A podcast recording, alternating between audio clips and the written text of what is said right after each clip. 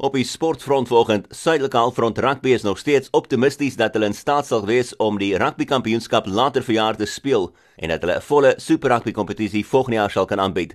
Sanzar is natuurlik die beheerliggaam vir rugby in die Suidelike Halfront en is dan Sanzar se baas Andy Marinos wat sê hy is vol vertroue dat die rugby kampioenskap gespeel sal kan word in die laaste 3 maande van die jaar.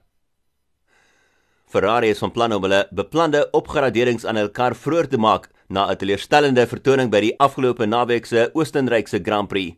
Charles Leclerc het tweede geëindig, maar het sewende weggespring nadat hy 'n sekonde stadiger was in kwalifikasie.